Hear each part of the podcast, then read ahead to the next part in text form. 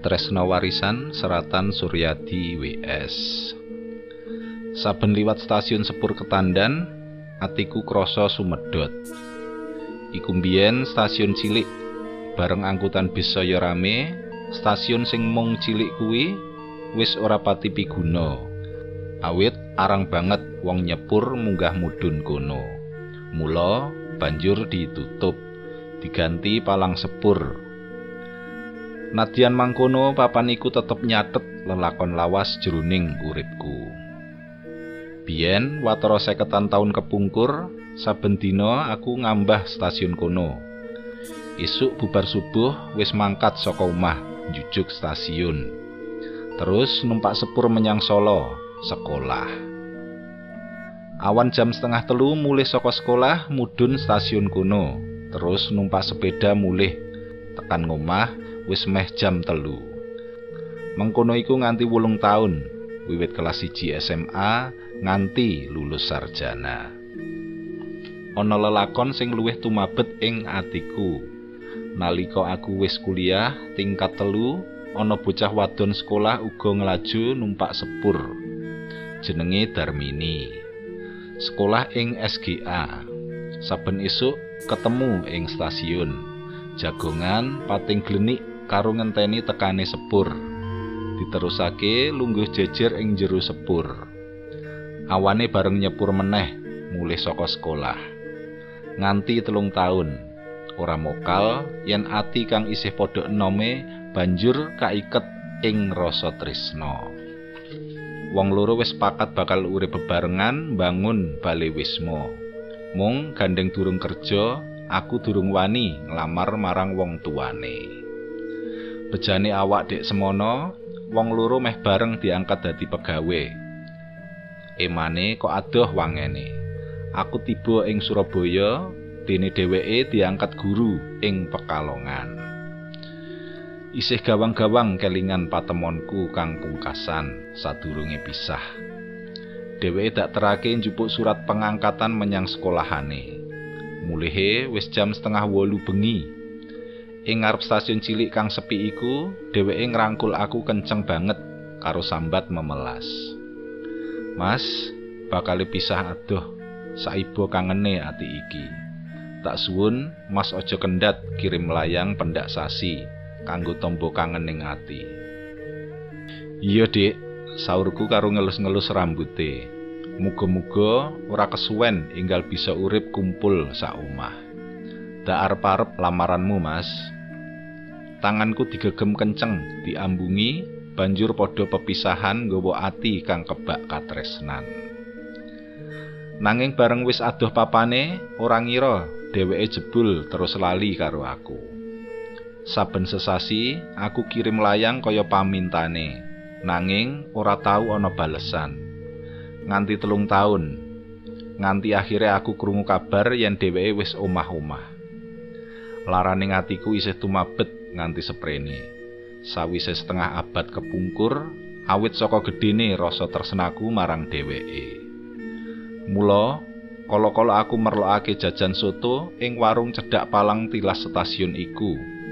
Mung kepengin ngeling-eling indahe lelakon jaman sekolah, langganan sepur bareng karo Dik Darmini biyen. Kala-kala ati iki adreng kepengin ketemu. Kepengin ngerti kahanan saiki. Nanging aku babar pisan ora mangerteni ing ngendi papan dununge saiki. Malah aku ora ngerti wektu iki isih urip apa wis ora ana. Aku apal banget yen isih urip wektu iki umure wis swidak pitu taun, limang taun sak adiku. Sawise padha tuwa, upama ketemu ya mung arep padha seduluran. Perkara lakon katresnan ganti anakku sing nedenge nglakoni. Mentas wae anakku matur njaluk dilamarake bocah wadon sing dadi pilihane. Jari bidan ing puskesmas trucuk malah jari omahe ing desa Sumyang anake Bu Sabto. Iku rak desane Dik Sarmini biyen. Eling lelakonku dhewe sing ora nyenengake. Aku ora kepengin ngulur-ngulur wektu mundak merucut kaya awakku biyen. Inggal wae aku lumaku arep nemoni Bu Sabto nglamar anake wadon aran Martini. Takon-takon omahe Bu Sabto, bareng ketemu aku kaget. Iki rak omahe Dik Darmini biyen kae. Aja-aja Bu Sabto iku adine sing saiki ngenggoni tilas omahe bapake. Yen ngono tenan, kebeneran bisa takon kepriye kabare Dik Darmini wektu saiki. Aku notok lawang karo uluk salam. Kula nuwun. Keprungu wangsulan saka jero. Monggo. Let sedilo lawang dibuka. Sakala aku kaget jinggelengi nyawang wong wadon sing ngadeg ing mburi lawang. Dheweke uga katon kaget jinggleng nyawang aku. Lho, kok kowe, Dik Darmini? Alokku. Iya, aku, saure. Sing rawuh mrene kok ya sliramu, Mas Martono. Apa Darmono iki putramu? Iya. Oh, ora ngira sebute. Monggo pinarak. Sawise padha lungguh lan bagi binagi, dheweke omong. Mestine rawuhmu iki arep ngrembug jejodohane anakmu lan anakku. Iya, saurku cekak. Dumadaan wae perihing atiku krasa mungkat meneh. Malah tuwuh gagasan enake apa diwurungake wae olehku arep ngelamar. Mas, sadurunge ngrembug butuhe anak, luwih dhisik aku kepingin madangake perkarane dhewe biyen. Lelakone dhewe biyen kae pancen peteng, Dik, lan wis kepungkur adoh, ora perlu dipadangake, ora ana gunane. Malah ngungkat-ungkat tatu lawas. Aku ngerti, Mas, ucape Sareh. tekan sprene iki Mas mesti nganggep yen aku biyen cidra ing janji. Lan aku ngerti atimu mesti perih banget. Pancen ya ngono, saurku jujur. Lan iku padha karo sing tak rasakake dek semono. Sadurunge aku ngerti larah-larahe, Mas. Sepuluh tahun lawase aku ngrasakake perihing ati. Mergo rumangsaku kok mblenjani. Lah kok ngono, Dik? Takonku semu kaget. Mula aku rumangsa perlu madangake perkara supaya rembug bab jejodohan anake mengko bisa kepenak. Satemene kepriye, Dik? takonku notol. Biyen kae 50 taun kepungkur sak tekane ing Pekalongan, aku kepethuk Parjo, kancane kakangku ing SMP. Ujuk-ujuk kondo yen kepingin ngajak jejodohan. Jari wis suwe dheweke ngesir aku, nanging durung wani omong. Mesti wae tak wangsuli yen aku wis duwe pacangan, Mas Martono, sing kerja ing Surabaya. Dek semono, dina mbok dina, minggu mbok minggu, sasi mbok sasi, aku tansah ngantu-antu layang saka seliramu. Nanging layang iku ora tau teko. Tak coba kaping telu aku kirim layang. uga ora ana balesan. Nganti telung taun. Aku rumangsa yakin yen Mas wis lali karo aku. Saking larane atiku, akhire aku kepeksa nglenggati karepe Parjo. Kelakon urip jejodohan. Nanging bawane wong ora tresna, nganti pitung taun aku ora duwe anak. Pinuju libur aku tilik bapak merene, dikandani yen wektu iku jare seliramu durung krama. Yen ngono ateges Mas Martono ora lali karo aku. Malah aku khawatir yen Mas Martono pepes atine mergo tak tinggal omah-omah. Nanging gene yo, telung taun lawase ora tau kirim kabar. Tak ulur-ulur nalarku. Temak aku lagi sadar yen Parjo iku pegawai kantor pos Ojo-ojo dheweke biyen ngedep layang-layange Mas Martono marang aku. Ora seronto aku bali nyang Pekalongan. Dewe tak dedes-dedes, tak ancam arep tak gugat kanthi tuduhan sabotase surat pos. Akhire ngaku, jari nganti telung tahun lawase, saben sasi ora kendat layange Mas Martono teko. Nanging didep ora diwenehake aku, malah terus diobong. Tak ujar-ujari sak kemenge lambeku. Lan dina iku uga kontan aku njaluk pegat. Oh alah Mas, Sepuluh tahun lawase batinku tansah ngundomono seliramu. Tak sengguh cidra ing janji. Apuranen aku, Mas. Ora kuat meneh, dheweke nangis kami seseken. Tumungkul karo nutupi raine nganggo tangane loro. Aku dhewe ora bisa kumecap. Rasa angles lan getun nglimputi batinku. Getun olehku wis ndakwa yen dheweke cidra. Getun dene aku biyen kok ora nelesih-nelesih kabar marang bapakne ing omah iki.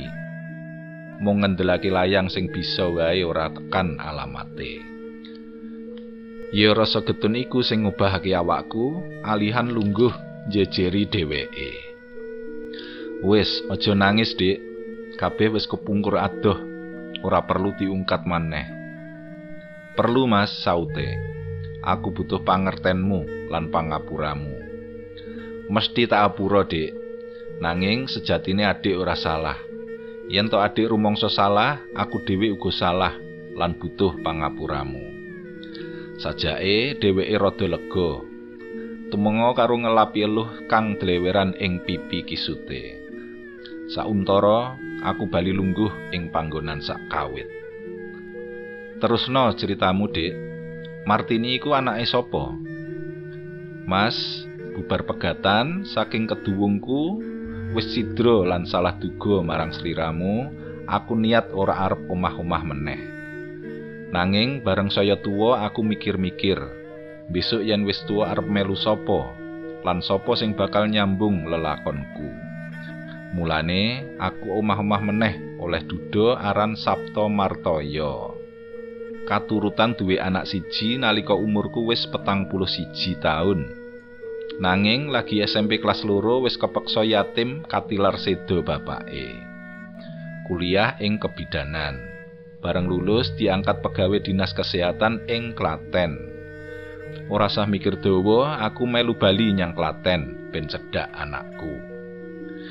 Dheweke leren guneme, nyawang aku kanthi tajem, ngelingake aku marang lagiane dek semono. Keprungu gunemane maneh. Lah lelakonmu kepriye, Mas? Apa sebabe nganti 10 tahun saka pepisahan kae, Mas kok durung krama? mesti isih mikir aku ya mas lan mesti duka marang aku aku mantuk Nadian aku ngira yen kowe cidra nanging aku isih tansah kelingan kowe. Upama bubar pegatan biyen kowe nemoni aku njelasake perkarane aku isih bisa nampa seliramu aku izin mas. Atiku ora tekan. Eluhe katon berbel meneh. Tetes-tetes bening runtuh ing pangkone. Njalari atiku sansaya keronto-ronto Dek, dek semono tekodok ing Surabaya aku langsung nulis layang marang seliramu. Tak enteni rong minggu telung minggu nganti sesasi ora ana balesan. Aku nulis layang meneh uga ora ana balesan. Mangkono terus-terusan nganti telung taun. Saben sasi aku kirim layang. Lagi mandek bareng aku krungu kabar yen kowe wis omah-omah. Nanging nyatane aku ora bisa nglalekake kowe.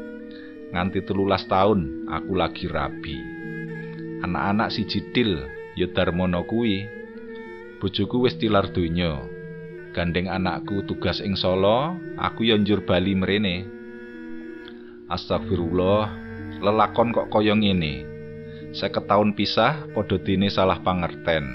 Saiki ketemu wis padha tuwek kaya ngene. Nange aku bisa lega rasane, Mas. Jalaran Mas wis bisa ngerti kedadean sing sak benere. Aku cidra, Mas. Aku mung salah ngerti. Tak kira malah seliramu sing lali karo aku. Aku unjal ambekan nyambung gunem. Garis sing lelakon kudu mangkono, Dik. Arep piye meneh wis kepungkur ora bisa dibaleni. Nanging aku uga lega sebab akhirnya aku ngerti yen adik tetep terseno marang aku. Kaya dene aku tetep terseno marang seliramu. Iya Mas, tersenaku tetep tak gawa tekan besok kapan wae. Lan iki dadi lembaran anggone arep dadi sedulur besan. Tersenane awake dhewe sing makan kantar dek semono ben disambung anak-anake. Yo Mas. Iya, Dik. dadi warisan sing ajine ngungkuli Raja Brana.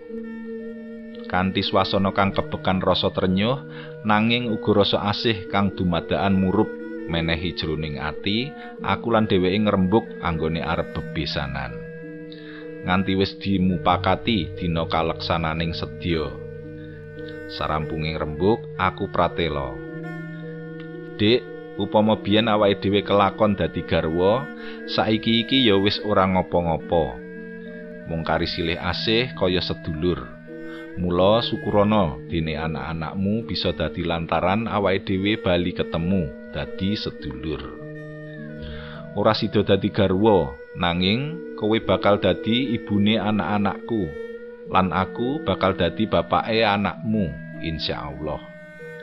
Tanganku digegem kenceng banjur diambungi persis kaya patrape biyen yen pinuju arep pepisahan jroning lumaku mulih numpak Honda aku ngalamun gagas lelakone anakku lan anake Dik Darmini. Batinku nguwuh. Walah oh, ngger kowe padha nampa warisan katresnan saka wong tuamu. Muga dadiya sanguning laku anggonmu bakal mangun bali wisma. Inggih mangkaten para pamirsa, waosan cariyos tresna warisan Seratan Suryadi WS. Kapetik saking kalawarti panyebar semangat nomor 46 tanggal 15 November 2014. Matur nuwun.